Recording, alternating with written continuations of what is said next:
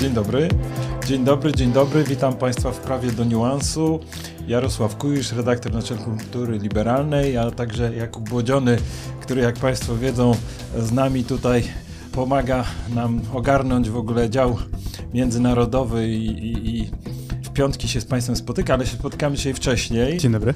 I e, w zasadzie to tak, no na początek powiedzmy, że prawo do niuansu jest czwartkową odmianą wideo podcastu i że dziś postanowiliśmy porozmawiać o tym, co się dzieje, tak? Podsumować te ostatnie trzy tygodnie, już czwarty tydzień e, toczącego się konfliktu napaści rosyjskiej na Ukrainę.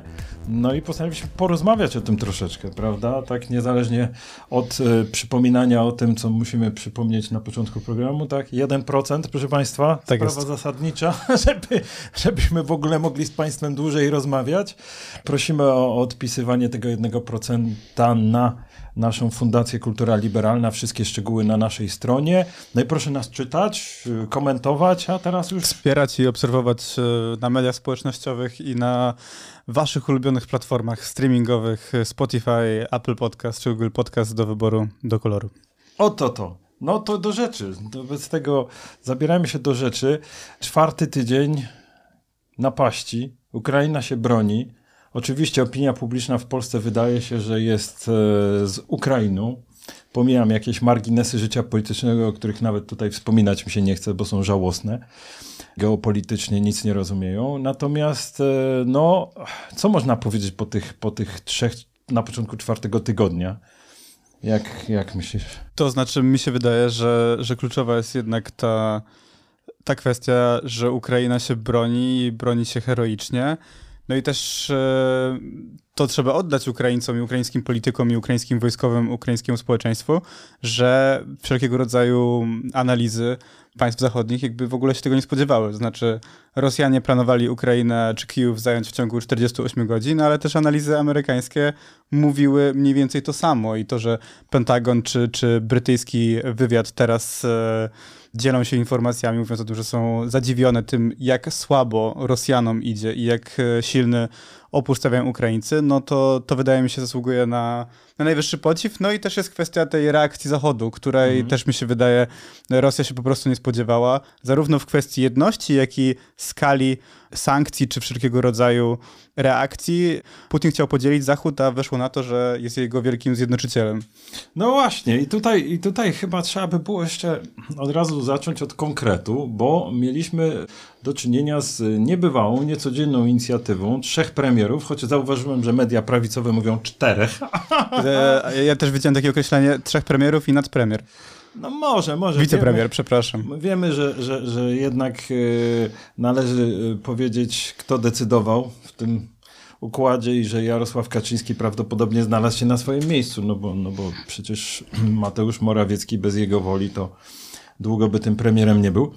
No i ta wyprawa rusza do Kijowa i, i, i prawda, w niecodziennych okolicznościach miliony, i to nie przesada, miliony osób uciekają przed wojną, a w tym czasie trzech premierów, czy jak chce prawicowa prasa, czterech, e, rusza w drugą stronę.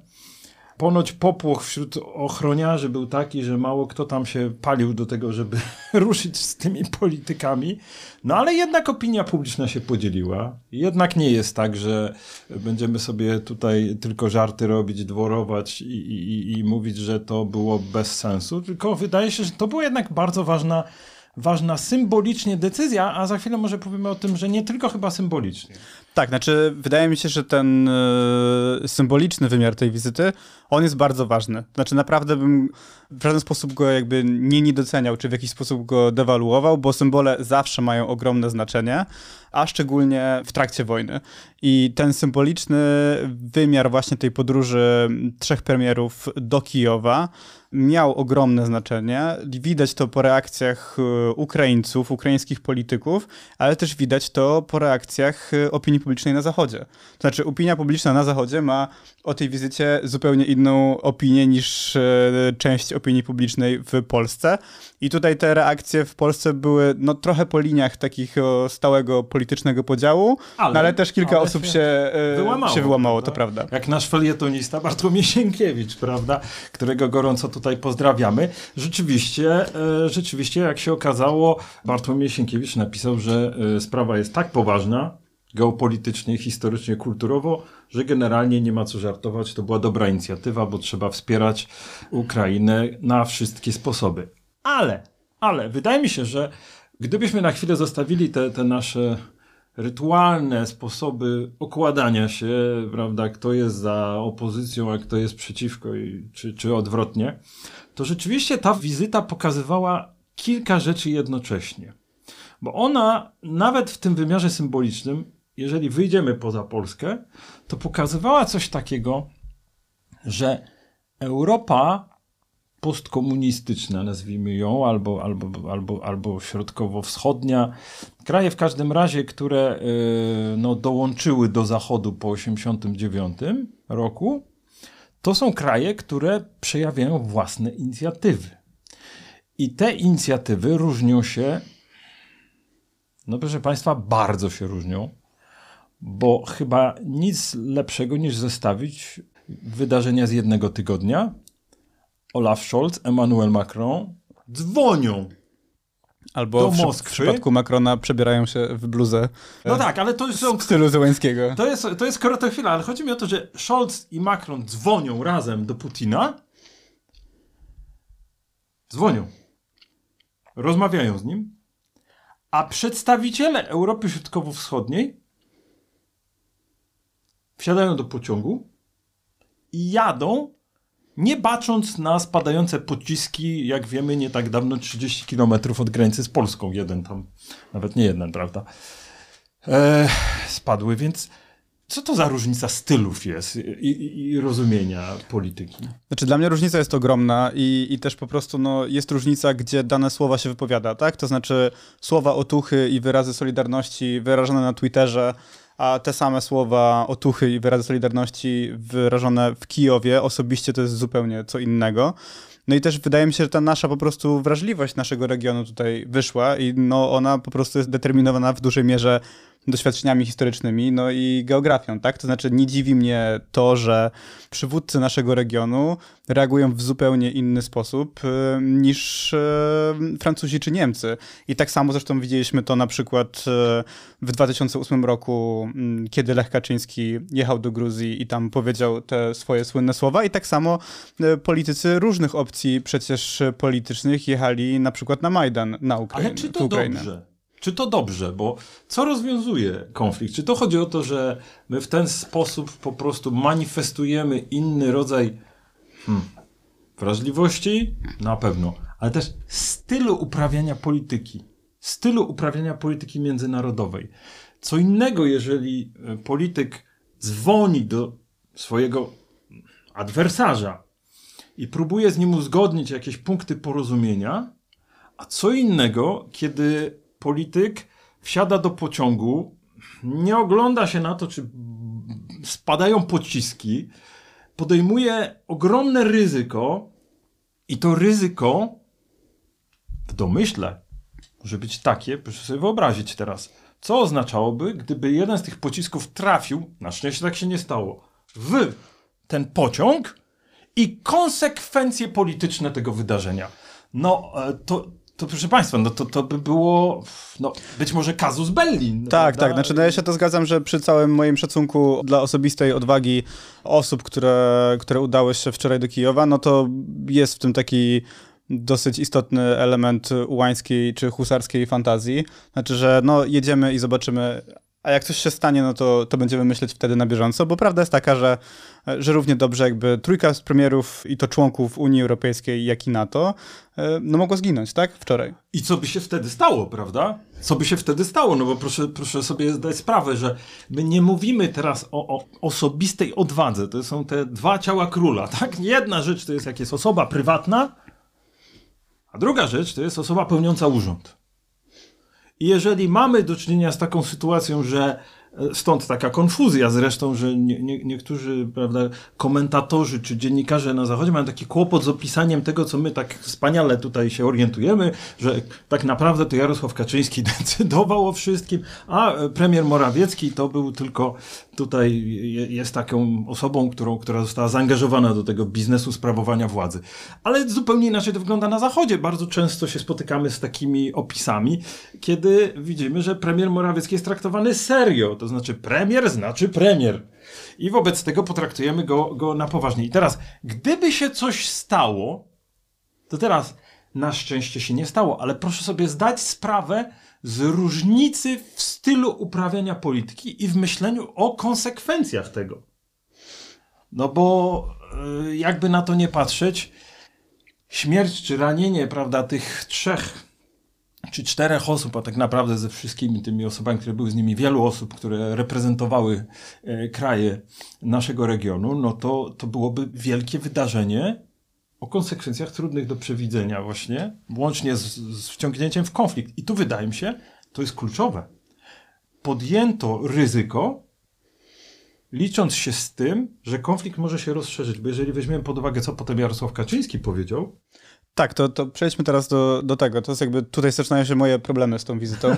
Mianowicie jest jakby duża doza, mam wrażenie, skalkulowanego ryzyka, czyli jakby jedziemy, może nam się coś stać, to było oczywiste, ale jest to jakiś gest solidarności z Ukrainą i też forma presji, wywarcia tej presji na Zachód. To znaczy, mieliśmy już takie dyskusje na Zachodzie po tych, po tych e, trzech tygodniach od rozpoczęcia wojny w Ukrainie, no jakieś takie dyskusje, nie wiem, o zakazie eksportu futer do, mm, do Rosji, czy, czy jakichś dóbr luksusowych. Takie rzeczy już jednak symboliczne, na przykład tej dyskusji o embargu na rosyjskie węglowodory, no ona już e, powoli dogasała i raczej już tych wątków nikt nie podnosił i to siłą rzeczy jakoś tą poprzeczkę, mam wrażenie, wrażenie podnosi, w sensie dla zachodnich przywódców, którzy jakby mhm. teraz, zresztą to sam Mateusz Morawiecki powiedział wczoraj, co uważam było jakby krokiem za daleko, to znaczy on powiedział, no sami w takim razie pojedźcie, e, mówił to do francuskich i niemieckich przywódców i, i, i pozostałych z zachodniej Europy, pojedźcie do Kijowa i, i zobaczcie, jak to tam wygląda. Natomiast e, same słowa mm, Jarosława Kaczyńskiego, który zaproponował tutaj, możemy to naświetlić, na wspólnej konferencji prasowej razem z, z Zełańskim oraz właśnie z trzema premierami, on zaproponował to, że NATO powinno. Problem jest w tym, że jakby jego wypowiedź jest na tyle taka ambiwalentna i ogólna, że ciężko, ciężko wyciągnąć z niej jednoznaczne wnioski. W każdym razie on mhm. zaproponował to, żeby NATO miało jakąś formę pokojowej misji na Ukrainie i żeby ta misja była ochraniana przez, yy, przez wojsko, tak? Czyli jakby zaproponował wkroczenie wojsk na terytorium Ukrainy, na którym toczy się, toczy się wojna. No i to jest dla mnie w jakiś sposób problematyczne, bo mam wrażenie, że to była wypowiedź po prostu no, lekkomyślna i nieprzemyślana. To znaczy ona ani nie wpasowuje się w takie formalne działania sojuszu, no bo NATO ma określone procedury, których można byłoby użyć i faktycznie takie słowa Kaczyńskiego zrealizować, ale ta wypowiedź w ogóle do nich nie pasuje. Ja mam wrażenie, że to było powiedziane coś, żeby powiedzieć, Mhm. Mam nadzieję, że to było w jakiś sposób tam uzgadniane, no ale z tego co wiem, to sekretarz generalny NATO zaprzeczał. No właśnie, wydaje mi się, a gdybyśmy przyjęli, że to było przemyślane? Może to było przemyślane, tylko założenia tej, tej wypowiedzi były inne niż nam się wydaje. Pierwsza rzecz, weźmy pod uwagę, że w obecnym konflikcie jednym z takich powodów, dla których politycy państw Zachodu czy osoby, które reprezentują NATO mówią stop, z tą naszą tutaj zaangażowaniem, bo wybuchnie trzecia wojna światowa. Wydaje mi się. E, proszę nie jest... prowokować Rosji. No, nie prowokować Rosji, w zasadzie to wiadomo, że to za chwilę może powiemy, że to jest taka dziwna wojna 2.0, prawda? Ale, ale nie przekraczajmy pewnej linii, bo wiemy, że konsekwencje mogą być takie, trochę jak pierwsza wojna światowa, jak ktoś z Państwa czytał książkę Christophera Clarka, w gruncie rzeczy wybuchł konflikt, którego na dobrą sprawę w tamtej narracji Christophera Clarka nikt nie chciał, tak? Że on się tak rozwijał po prostu od wydarzenia do wydarzenia. Bardzo ciekawa rzecz, ale ona pokazuje, to jest taka, taka, taka myśl skierowana na przyszłość, żeby uważać z tego typu, z takim, z takim łańcuchem niezamierzone skutki ludzkich działań, że nam wybuchnie wojna. I tu jest wielka ostrożność, patrzymy na ten punkt widzenia polskich polityków, którzy nas reprezentują za granicę, i wydaje mi się, że oni w ogóle nie biorą pod uwagę tego, że mogłaby wybuchnąć trzecia wojna światowa. To znaczy, oni nie podzielają w ogóle tej obawy, że w tych ich e, kalkulacjach jest wyłącznie kwestia regionalna, w związku z tym bronimy naszego państwa państwa polskiego i bronimy państwa, państwowości ukraińskiej. I zgodnie z założeniami, które zostały przyjęte po licznych klęskach polskich, że najlepiej mieć sąsiadów, którzy będą między nami a Rosją, prawda? I w tej sytuacji zapominamy o broni jądrowej i jedziemy do Kijowa. No tak, znaczy to wydaje mi się, że jest, faktycznie to jest zupełnie inny sposób myślenia i prowadzenia polityki niż przedstawiany w, w państwach zachodnich. Z tym, że no troszeczkę po, po owocach i poznamy, tak? To znaczy mhm. zobaczymy, jakie będą efekty tej wizyty. Ja szczególnie mocno czekam na, na wizytę Joe Bidena w przyszłym tygodniu w Europie to, co on powie. To znaczy, jeśli on w jakiś sposób ustosunkuje się do tego, czy rola NATO w tym konflikcie powinna być zwiększona, to w dużej mierze zadecyduje o tym, czy te słowa Kaczyńskiego no, były czymś rzuconym na wiatr, czy może były jakimś przebłyskiem wizji, czy, czy faktycznie głębszej idei. Tylko to, co jeszcze chciałem powiedzieć, mówiliśmy o tym, że są jakby te dwie różne wizje prowadzenia polityki u nas w naszym regionie mhm. y, i ta zachodnia. Problemem jest to, że ta zachodnia bardziej elegancka dyplomacja z dzwonieniem do siebie, taka zatrzymana w jakichś ryzach, które zostały dawno temu ukute, czy w jakichś takich zasadach, no ona odniosła porażkę, tak? To znaczy, no. przynajmniej jakby ja bym tak powiedział, że serię telefonów, spotkań Macrona, Scholza przed, przed 24 lutego nie odniosły żadnego skutku. Ale ale to jest pytanie trochę inne, bo to jest pytanie o proces. To znaczy, jednocześnie te państwa największe, to gdybyśmy to my nakładali sankcje, to prawdopodobnie Rosja by e, nawet tego specjalnie nie zauważyła. Ale to właśnie fakt, że te wymienione kraje plus Stany Zjednoczone nakładają sankcje, decydują się, no to rzeczywiście sprawia, że uderza w Rosję i pytanie jest, no jesteśmy w takim zwarciu, prawda? Kto kogo, tak? To jest proces. To nie jest. I tu chyba docieramy do jeszcze jednej różnicy, którą uwidocznił ten, uwidoczniła ta wyprawa kijowska premierów, a mianowicie wydaje się, że jest jeszcze jedna różnica pomiędzy politykami z Europy Środkowo-Wschodniej a politykami z Zachodu. Otóż chyba inaczej jest definiowany cel tych zmagań, które się teraz toczą. Prawdopodobnie my myślimy w kategoriach zwycięstwo przegrana, a politycy Zachodu myślą w kategoriach demokratycznych. Dobrze, to w którymś momencie zawiera się pokój, czyli dochodzi się do jakiegoś konsensusu, prawda, że musi dojść do jakiejś zgody pomiędzy stronami. I jeżeli się tak różnie definiuje cel, no to naprawdę inaczej się dobiera środki. No tak, ja się z tym zgadzam. I, I, co do zasady w ogóle zgadzam się z takim sposobem prowadzenia polityki, tak? Tylko co do zasady, to znaczy Rosja nie działa według zasad. I kiedy tylko i, i różnego rodzaju pokoje, rozejmy, nakładane umowy, czy słowne, czy pisemne, no Rosja po prostu stosuje się do nich wtedy, kiedy jej to odpowiada i nie robi tego wtedy, kiedy jej to nie odpowiada. I wydaje mi się, że błędem wielu dekad polityki Zachodu było uznawanie Rosji za standardowego partnera. To znaczy, że jeśli my siądziemy razem do stołu, no i się dogadamy, no to rozumiem, że my respektujemy zasady, do których się zobowiązaliśmy, czyli na przykład w przypadku NATO brak lokacji określonego sprzętu i określonych e, liczb żołnierzy na wschodnią flankę. Mhm. No i Rosja w takim razie rozumiem, że będzie respektować swoje zasady, no tylko, że Rosja po prostu tego nie robi. I kiedy jakby jedna strona respektuje zasady, a druga otwarcie pokazuje, że jakąś taką pogardę wobec nich i też w Rosji kultura kompromisu, kultura konsensusu jest wielokrotnie odczytywana za słabość, no to ta druga strona po prostu wychodzi no, na tutaj kolokwialnie rzecz ujmując frajera. No. No tak, ale, ale można by było spojrzeć na to, no dobrze, ale to znaczy, że, że po prostu te racjonalności są różne. To znaczy, Tak. że, że wobec tego trzeba przyjrzeć się temu rosyjskiemu punktowi widzenia, nie po to, żeby być tutaj jakimś rozumiejącym Rosję koniecznie, czyli usprawiedliwiającym w domyśle analitykiem, tylko żeby się zastanowić nad tym właśnie, e, co nam pokazała ta wyprawa kijowska, bo upieram się, że to jest coś bardzo ciekawego. Niezależnie od. Ja zupełnie pomijam polskie podwórko. Mnie nie interesuje. Ktokolwiek by nie pojechał, sam, sam styl uprawiania polityki w ten sposób jest bardzo interesujący, ponieważ on pokazuje, że on nie jest ani rosyjski, ani zachodni. Że to jest trochę tak, jak kiedyś napisał Mrożek, że Polska jest na wschód od zachodu i na zachód od wschodu, że to jest jakiś inny, inny, inny tutaj standard. Znaczy pokazuje to jakąś taką tożsamość polityczną, mam wrażenie, naszego regionu. Tak, ale, ale my próbujemy coś powiedzieć komuś w ten sposób. I oczywiście, no raczej nie, nie Moskwie, bo tam nikt nie będzie słuchał tego typu wypowiedzi, ale próbujemy coś powiedzieć na Zachodzie. I zastanawiam się, czy nie jest tak, że tu docieramy do następnego ważnego punktu, gdzie się te nasze opowieści o tym, co się dzieje w świecie, teraz rozchodzą.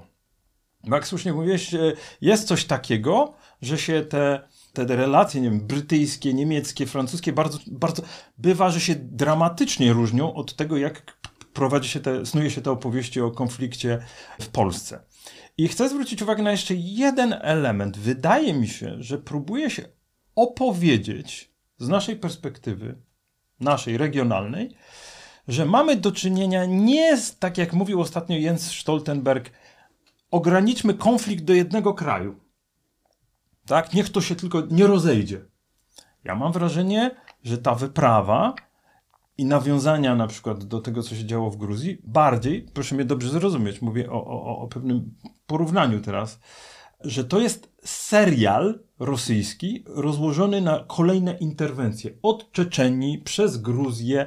Interwencja w Syrii też ma swoje tutaj miejsce, aż po wojnę ukraińską obecnie i że to nie jest żaden konflikt w jednym kraju, który można, jak Stoltenberg chce, ograniczyć, tylko że to jest rodzaj potwornego serialu, który y, został zainicjowany przez reżysera Władimira Putina, który ma po prostu zupełnie inne założenia y, geopolityczne. No tak, no i my się obawiamy, że prawda, finał tego sezonu to będzie miał miejsce w Warszawie.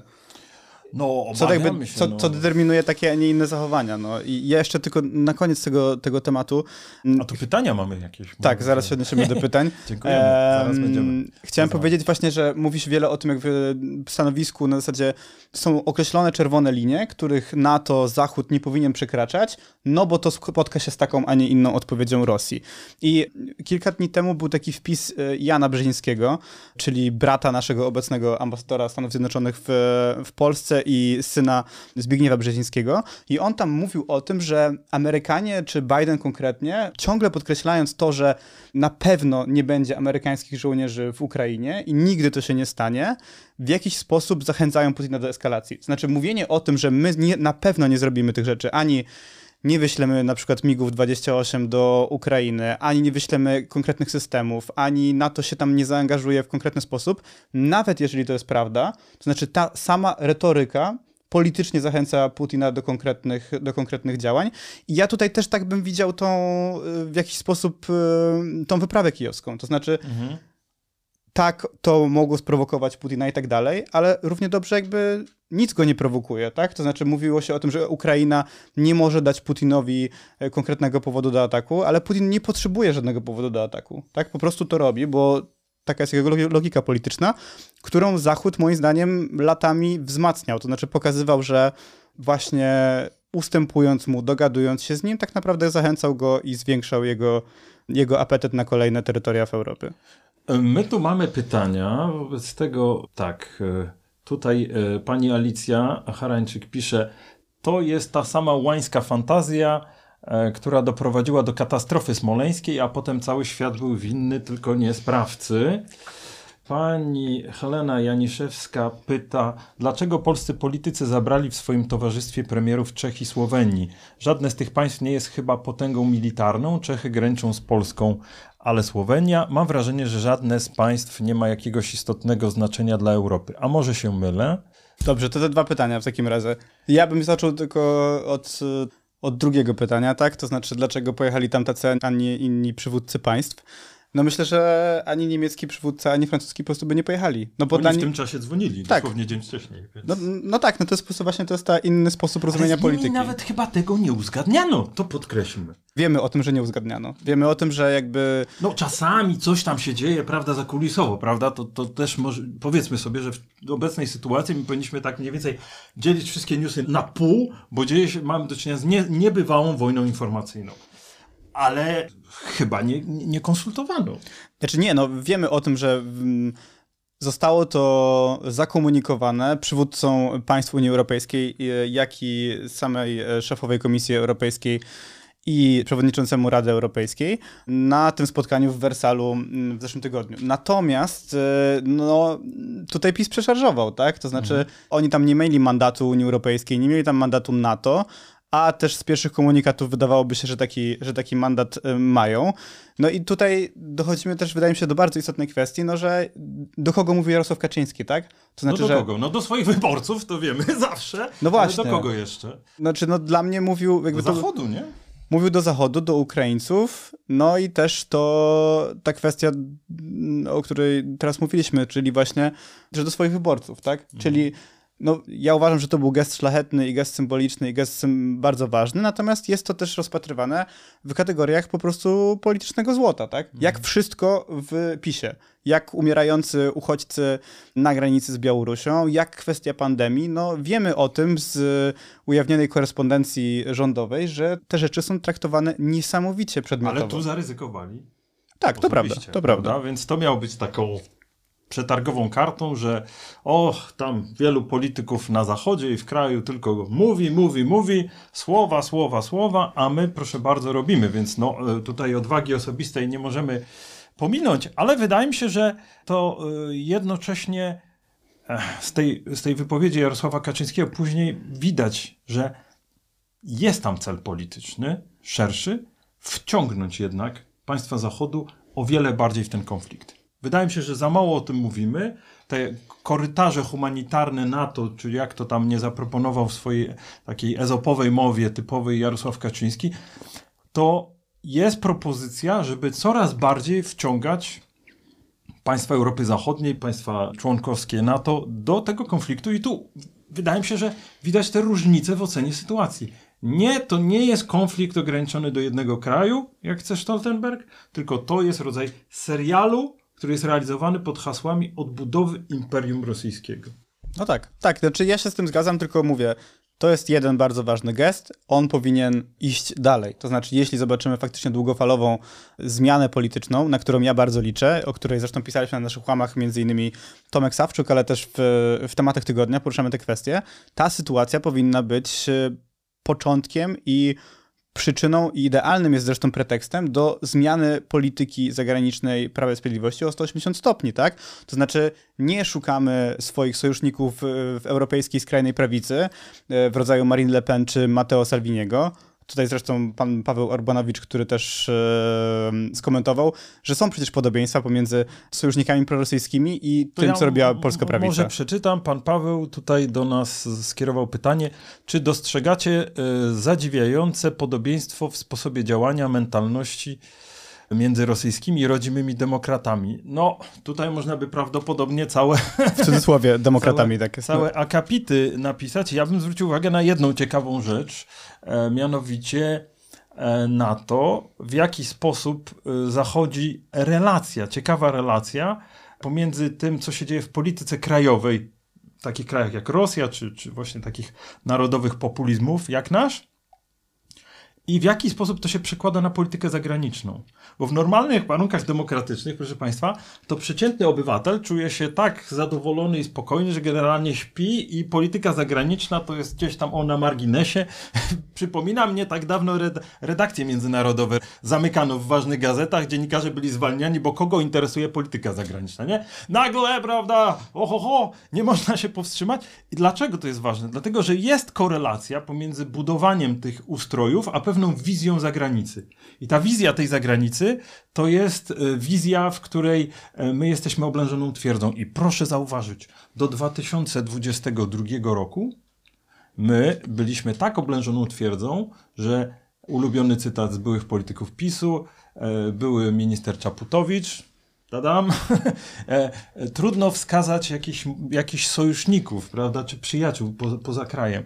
I, I to pokazuje, że na własną rękę to mogliśmy prowadzić politykę wiodącą do głębokiego osamotnienia, tak? Czyli jednocześnie budujemy taki swój ustrój e, w stronę autorytaryzmu wychylony, ale to oznacza pewną wizję świata, to znaczy zamykamy się na niego, tak? To znaczy, że się będziemy odcinać nie tylko retorycznie, ale też prawnie od Unii Europejskiej i instytucji, więc tu zachodzi taka korelacja. To znaczy, że wychylanie się w stronę autorytaryzmów, czy już budowanie autorytarnych y, systemów, jak w przypadku Rosji, oznacza przyjmowanie pewnej polityki zagranicznej. No tak, tylko że różnica jest taka, że Rosja może sobie pozwolić na wizerunek oblężonej twierdzy. Znaczy ja nie mówię, że może sobie pozwolić, co pokazuje obecna sytuacja. Mam nadzieję, że udowodni to jeszcze bardziej następne tygodnie i, i, i miesiące, że ona sobie y, nie może pozwolić na, na atakowanie suwerennych państw, ale może sobie pozwolić na taką retorykę. To znaczy, ona jest w stanie jakby nie grozi jej egzystencjonalne niebezpieczeństwo ze strony innego państwa.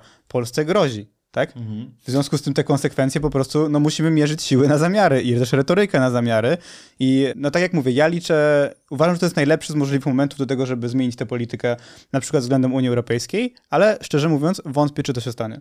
No, Bo widzę ja, już, co robi ja, Zbigniew Ziobro, widzę to... To ja e... może, może, może pójdę, będę jeszcze mniej sceptyczny i powiem, Żadnej zmiany nie będzie, proszę Państwa. Tam mogą być jakieś korekty. Jeżeli nie będzie presji zagranicy, to wydaje mi się, że tutaj stare oprogramowanie w tych e, systemach myślenia, e, to ono tam sobie drzemie i jedyne, co może zmienić to, to ta zmiana emocji społecznej w Polsce bo ludzie odkryli nagle, że ponad, zupełnie ponad podziałami łączy ich e, strach o własne państwo, że ponad podziałami zupełnie ich łączy to, że współczują jednak ludziom w nieszczęściu i nagle ponad podziałami naprawdę jak w konstytucji, czy tam wierzący, niewierzący, prawda, czy za PiSem, czy za PO, zupełnie ponad podziałami ruszyli do tego, żeby pomagać ludziom w potrzebie.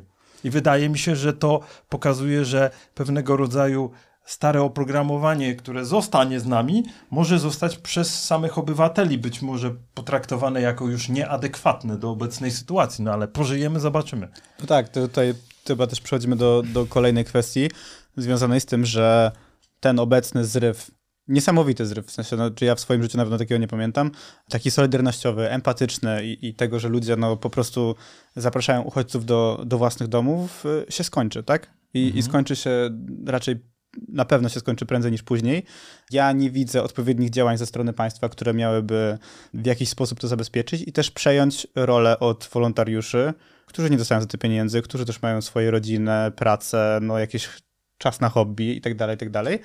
I w związku z tym ta sytuacja, mm, no tak jak była piękna na początku, tak bardzo brzydka się może okazać w ciągu najbliższych miesięcy.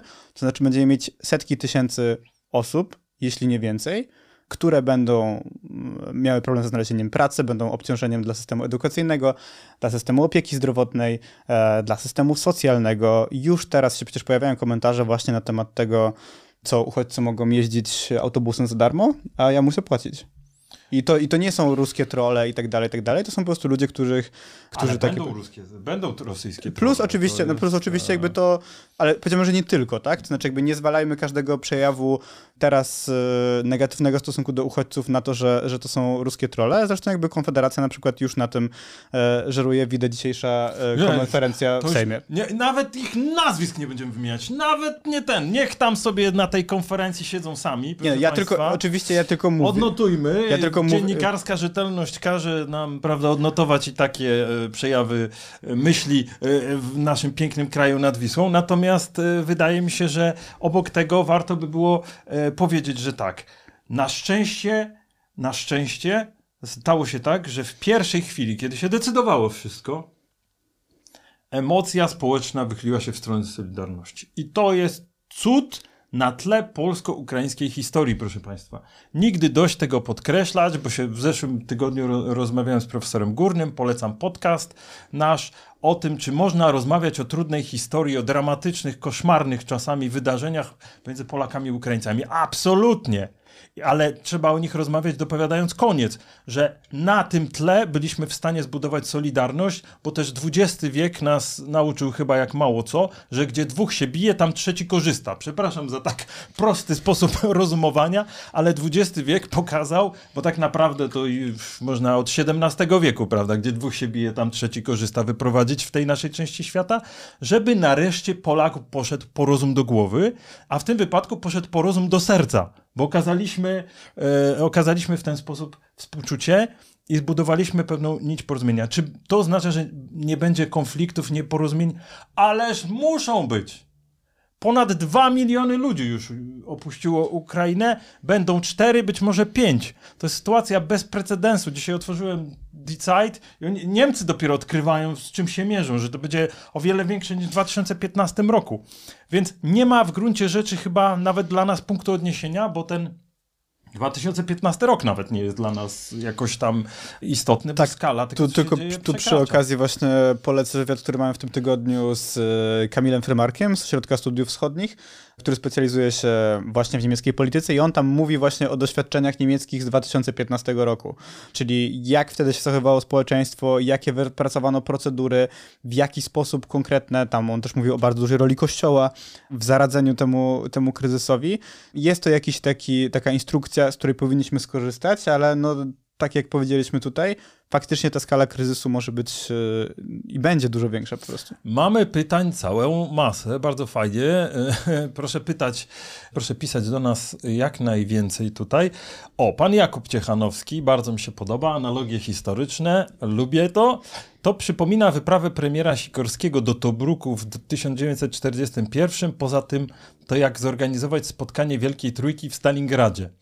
No tak, rozumiem, że w e, momencie, kiedy prawda, toczy się, toczy się zażarty, zażarty bój. O Stalingrad, no e, cóż można, cóż można powiedzieć, e, są to jednak różne style uprawiania polityki. Możemy tylko i wyłącznie do tego wrócić, podkreślając, że to nie, nie jest tylko symbol, że to ma inne założenia, to działanie polityczne ma inne założenia i to działanie inaczej definiuje cel, inaczej definiuje ten konflikt proszę Państwa. My inaczej myślimy o konflikcie. My nie myślimy, że to jest konflikt, który o, zatrzyma się na Ukrainie i będzie sprawa załatwiona. My jesteśmy w pełni przekonani, że tak jak słowa Putina zostały powiedziane o jakiejś jego strefie wpływów do czasów przednatowskich, tam rozwiniętej przed 1997 roku, żeby wszystko wróciło do tego, y, do tego stanu y, rzeczy y, z, w zasadzie z, z, z czasów, kiedy wojska rosyjskie jeszcze stacjonowały być może na, na polskim terytorium, no my to zaczęliśmy traktować, to co mówi Putin, po prostu literalnie.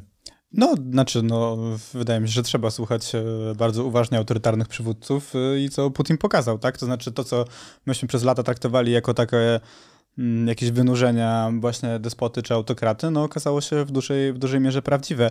I to też dla mnie to jest szczególnie ciekawe, właśnie ta sytuacja różnego postrzegania mm, tej wojny w naszym regionie, jak i bardziej na zachodzie, to znaczy w jaki sposób ona miałaby się potencjalnie skończyć.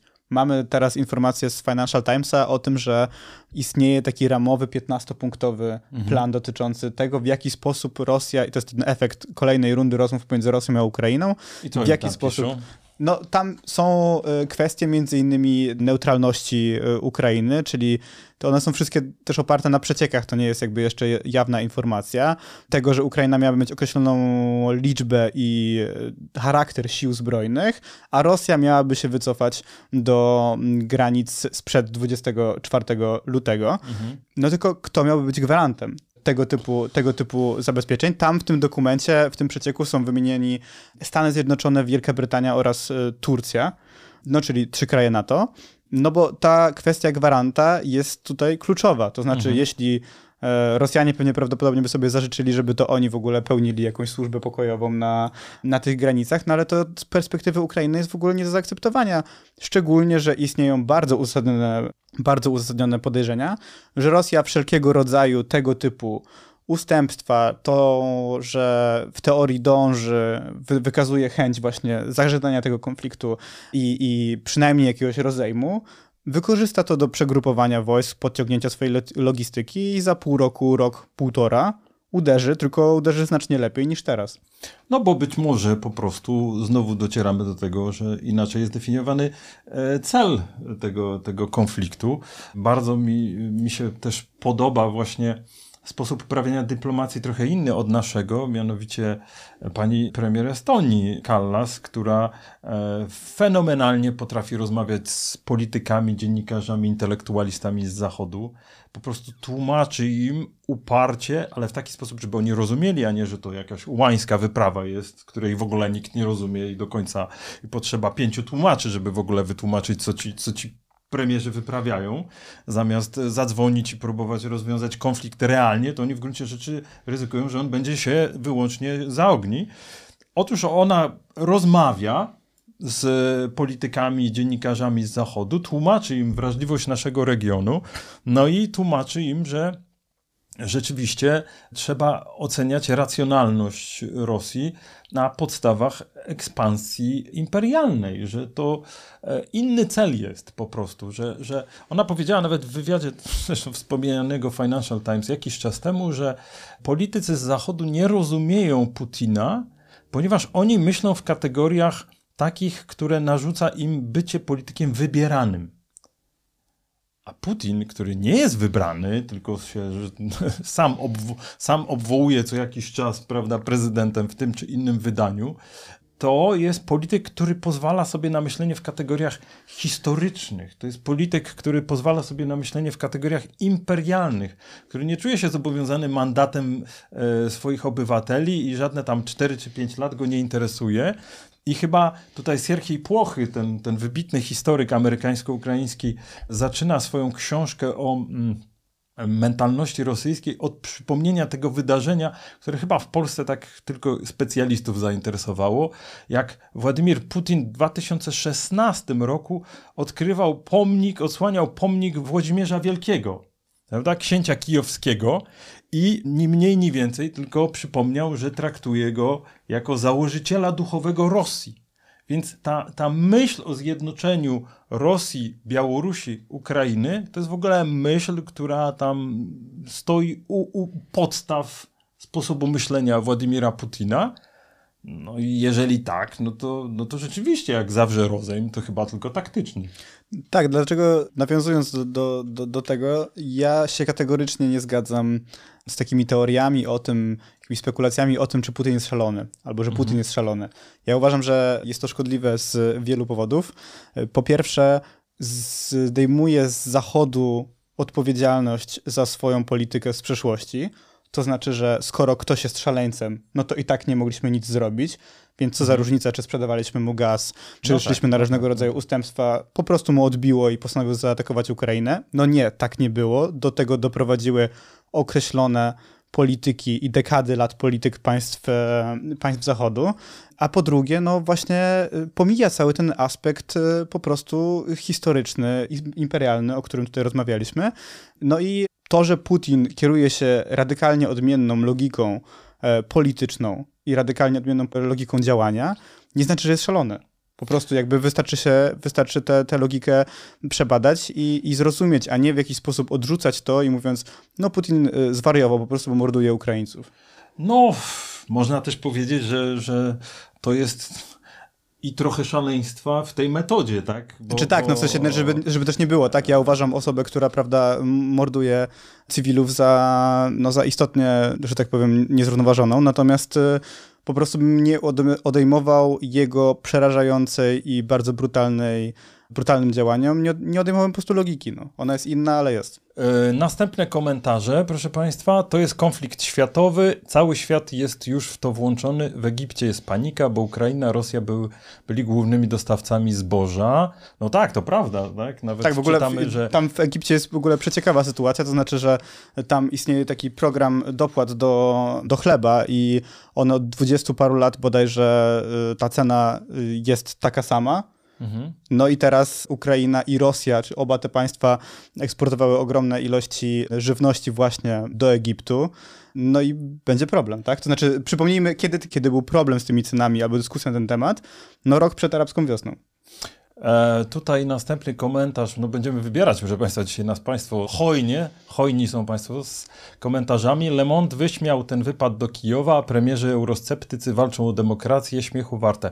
No tak, tak, ale, ale ja bym powiedział, że, że upieram się jednak, że widać inną wrażliwość i że to jest trochę tak, że widzimy, że polityka zagraniczna wobec Rosji bardzo mocno zależy od dwóch elementów, historia łamane przez geografia. Kto jest bliżej Rosji, ten jednak wykazuje trochę inną wrażliwość wobec, wobec tego kraju i rzeczywiście e, tutaj można e, śmiało powiedzieć, że e, my próbujemy Zachód od 24 lutego bardzo intensywnie nakłonić do przyjęcia naszej wrażliwości.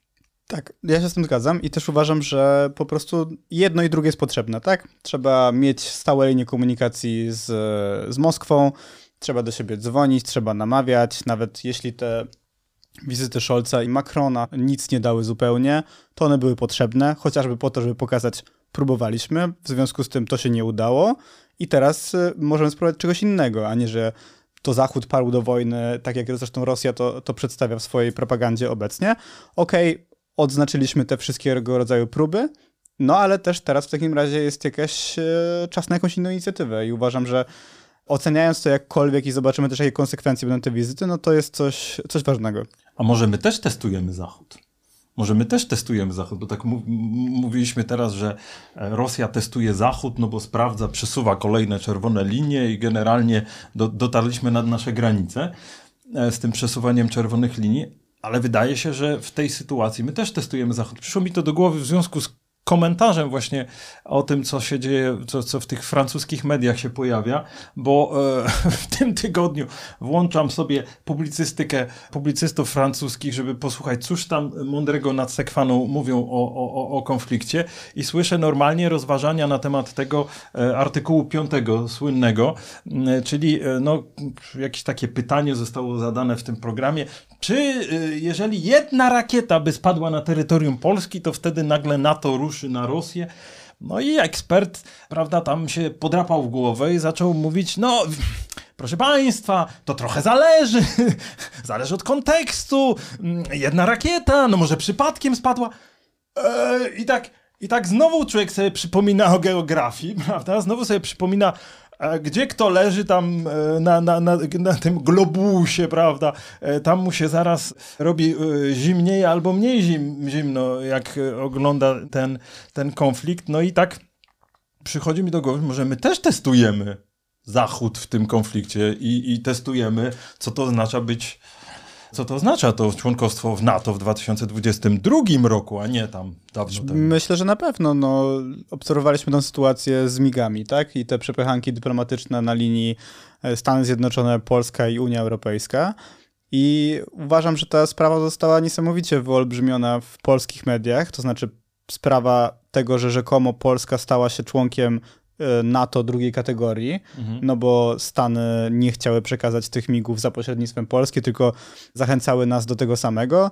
Później miałaby, miała być ta sprawa, że Polska miałaby je przekazać e, do bazy niemieckiej w Ramstein, no i stamtąd mogłoby na przykład NATO czy Stany Zjednoczone przekazać je Ukrainie i wtedy Stany Zjednoczone odpowiedziały, że nie, bo to by mogło właśnie sprowokować e, agresywne działania Rosji względem NATO i to zostało niesamowicie negatywnie odebrane w, w polskiej opinii publicznej. No, że chwila, mhm. to jeśli my byśmy przekazali te migi z terytorium Polski, to już by nie była prowokacja w stronę Rosji i nie, nie, nie rodziłoby to niebezpieczeństwa. Także wydaje mi się, że faktycznie to testowanie Zachodu jest jak najbardziej tutaj obecne. No, to jest też przyczynek do tych rozważań o tym, co to w ogóle dzisiaj oznacza wojna i pokój, tak? No bo tutaj Państwo piszą słusznie, że e, konflikt na swój sposób już jest światowy, ale proszę sobie przypomnieć, że, że to, to, rozmycie granic pomiędzy tradycyjnym rozumieniem wojny i pokoju po prostu poszło bardzo daleko i teraz, hmm, proszę zobaczyć, no, e, osławione trole moskiewskie sprawiły, że e, pojęcie prawdy stało się polityczne, no tak do tego stopnia, że, że ta ingerencja, prawda, tego drugiego państwa za pomocą mediów społecznościowych idzie tak daleko. że nie tylko można próbować wpływać na decyzje wyborcze obywateli w innym kraju, ale też zaogniać konflikt. I to konflikt pomiędzy obywatelami albo pomiędzy ekspertami a zwykłym śmiertelnikiem. I w efekcie prawda staje się problematyczna. Prawda staje się problematyczna, a to tylko i wyłącznie, i to wiemy, że jeżeli nie ma takich wspólnych punktów odniesienia, że na przykład, nie wiem, pół szklanki jest prawda, pełnej albo pustej, że jeżeli nie ma takich punktów odniesienia, które podzielamy, no to wyłącznie się ten konflikt będzie za, za, zaogniać yy, i intensyfikować. No i e, z tego punktu widzenia, to proszę pamiętać, że wiemy, wiemy doskonale, bo to już zbadano, napisano całą tonę na ten temat, że w, w sensie hybrydowej wojny to cywile, nie wiem, dzięki działaniom rosyjskich troli, cywile w drugim końcu świata, tam w Stanach Zjednoczonych, są 24 godziny na dobę pod wpływem działań innego państwa o, o wyraźnym celu strategicznym, no, przyszłościowo-politycznym, tak? Więc to... Tak, tak. No właśnie tutaj też jest komentarz ze strony pana Tomasza Brzozowskiego o tym, że w sumie to wojny teraz nikt nie wypowiada. No i to jest prawda. No przecież Rosja, e, zgodnie z tym, co głosi w, swojej, w swoich mediach, nie istnieje żadna wojna, istnieje E, specjalna operacja i, i wojny nie ma, tak? No więc, więc wszystko jest kwestią tego, że po prostu każdy się porusza w jakimś takim innym imaginarium pojęć, e, które jest wygodne na, na rynek wewnętrzny. Ale, ale zobaczmy, że my też trochę, my w sensie, prawda, utożsamiam tu nas z, z Ukrainą, my też z tego korzystamy, no bo przecież te masowe dostarczanie środków jednej ze stron konfliktu militarnego, no to znowu można by było powiedzieć, że jak ktoś szuka kazus belli, to proszę bardzo, jak złoto, prawda? No właśnie, no także jakby, znaczy wydaje mi się, że w ogóle potencjalnie bardzo dużo możemy skorzystać na tym, co, co się teraz zmieni w polityce NATO i Unii Europejskiej względem Rosji. E, no pytanie, jak się, jak się skończy szerzej ten konflikt i, i, i ta wojna. Tutaj jeszcze tylko na koniec chciałem doprecyzować. E, na koniec? Że, my się już zbliżamy się, zaczynamy. Się zbliżamy, zbliżamy do godziny, więc myślę, że tak, ale tutaj faktycznie to informacja z Financial Times została zdementowana przez e, MSZ ukraiński, który powiedział twardo, że on jakby żadnych tego typu koncesji nie uzna na rzecz Rosji. To znaczy nie uzna ani Krymu, ani części Donbasu, w którym realnie Rosja sprawowała władzę i na której byli prorosyjscy, tak zwani prorosyjscy separatyści przed 24 lutego. No także tutaj znowu dochodzimy do tego, że jednak e, rosyjskie propozycje mm, układania się czy w jakiś sposób złagodzenia tego konfliktu no są moim zdaniem w dużej mierze grą na czas. Mm, pani Helena pisze do nas, że wydaje się pani, że już drugi raz wychodzimy przed szereg. Poprzednia oferta przekazania samolotów. Czy nie jest to jak z brzęczeniem uprzykrzonej muchy? A co jak Rosję Putina to zirytuje i wywoła militarną reakcję? Mam wrażenie, że poniekąd to jest brane pod uwagę, pani Heleno, że to jest właśnie wzięte w kalkulację. Chodzi o to, żeby, no cóż, yy, chyba stanowisko polskiego rządu jest w tej chwili takie, że nie wolno pozwolić na wykrwawienie się Ukrainie, że taki scenariusz jest jak najbardziej możliwy i że w związku z tym my powinniśmy ryzykować bardziej, ponieważ y, ta, ten rodzaj konfliktu, który się teraz toczy, nie jest w naszym, z punktu widzenia naszej racji stanu, no, nie, nie gwarantuje, że my rzeczywiście nie będziemy następnym celem. I z tego punktu widzenia, ale my możemy się tu znowu różnić, bo w, i to jest cały taki swoisty dramat tej, tej obecnej polityki państw, które e, no, nie biorą otwartego, otwartego, podkreślam, udziału w tym konflikcie militarnym. Mianowicie, czy chcemy przycisnąć Rosję sankcjami bezprecedensowymi i czekać, aż w końcu coś się stanie i chyba uzyskać taki efekt bardziej długofalowy, czy też chcemy, tak jak tutaj teraz e, wyprawa trzech premierów, prawda? Tu, teraz, natychmiast osiągnąć jakiś taki efekt, w którym zostaną wywołany konflikt na większą skalę. No, prawdę mówiąc, to wszyscy grają chyba w niewi- to jest tyle niewiadomych, że każda strona podejmuje ryzyko, ale pokazuje inną wrażliwość polityczną. Tak, znaczy no mi się wydaje, że po prostu w polskiej racji stanu um, przynajmniej tak rozumianej przez, przez bardzo dużą część klasy politycznej, no byłby, byłoby złamanie Rosji, tak? To znaczy porażka Rosji, doprowadzenie do jakiegoś jej e, upokorzenia, załamania jej gospodarki, sił zbrojnych i całego tego projektu imperialnego. No i nie sądzę, żeby tak to postrzegali Niemcy czy Francuzi. No, ale tutaj też y, całą masę jakichś tekstów już można było przeczytać od wybuchu wojny. A jak się ułożymy z Rosją później? A co będzie w Rosji nawet po putinowskiej? No to, to, to, to, proszę Państwa, no to są takie pytania, to już pamiętam, że Norwid pisał o tym, że Polska, polski stosunek do Rosji jest no, dość mocno taki racjonalny, że nie mamy nawet własnej partii w Moskwie. No tam nasz, nasz poeta trochę fantazjował, ale, ale generalnie chciał coś ważnego powiedzieć, że my tej Rosji nie staramy się zrozumieć, bo jesteśmy z nią w gigantycznym konflikcie, takim 300 lat konfliktu, prawda? I że w związku z tym no nasze odruchy też mogą być nieskalkulowane i wydaje mi się, że tutaj bym tego Norwida wziął do serca, jeśli można tak powiedzieć. I, i w tym 2022 roku też pomyślał o tym, że te nasze takie zawadiackie zachowania może trzeba by było jednak ten, to serce z rozumem łączyć tak, no ja, się zgadzam, ja się zgadzam jak najbardziej i że to wychodzenie przed szereg musi być również wykalkulowane. Nie mówię, że ono jest złe co do zasady, ale musi być przemyślane. E, I, I, fakt, że jakby my mieliśmy rację i co tutaj jest podkreślane wielokrotnie, znaczy my jako państwa regionu o tym, że nie jesteśmy rusofobami, tylko po prostu znamy Rosję, nie może nam przysłonić tego, że po prostu musimy myśleć o optyce państw, e, które zadecydują o tym, jak będzie wyglądał świat po tej wojnie, czy Europa po tej wojnie. No i to będą takie państwa, które po prostu, ich, których optyka się znacznie różni od naszej. No i tu może postawimy kropkę. Super. Proszę Państwa, dziękujemy za wszystkie komentarze. Naprawdę fajnie, fajnie się z Państwem rozmawia w tej formule.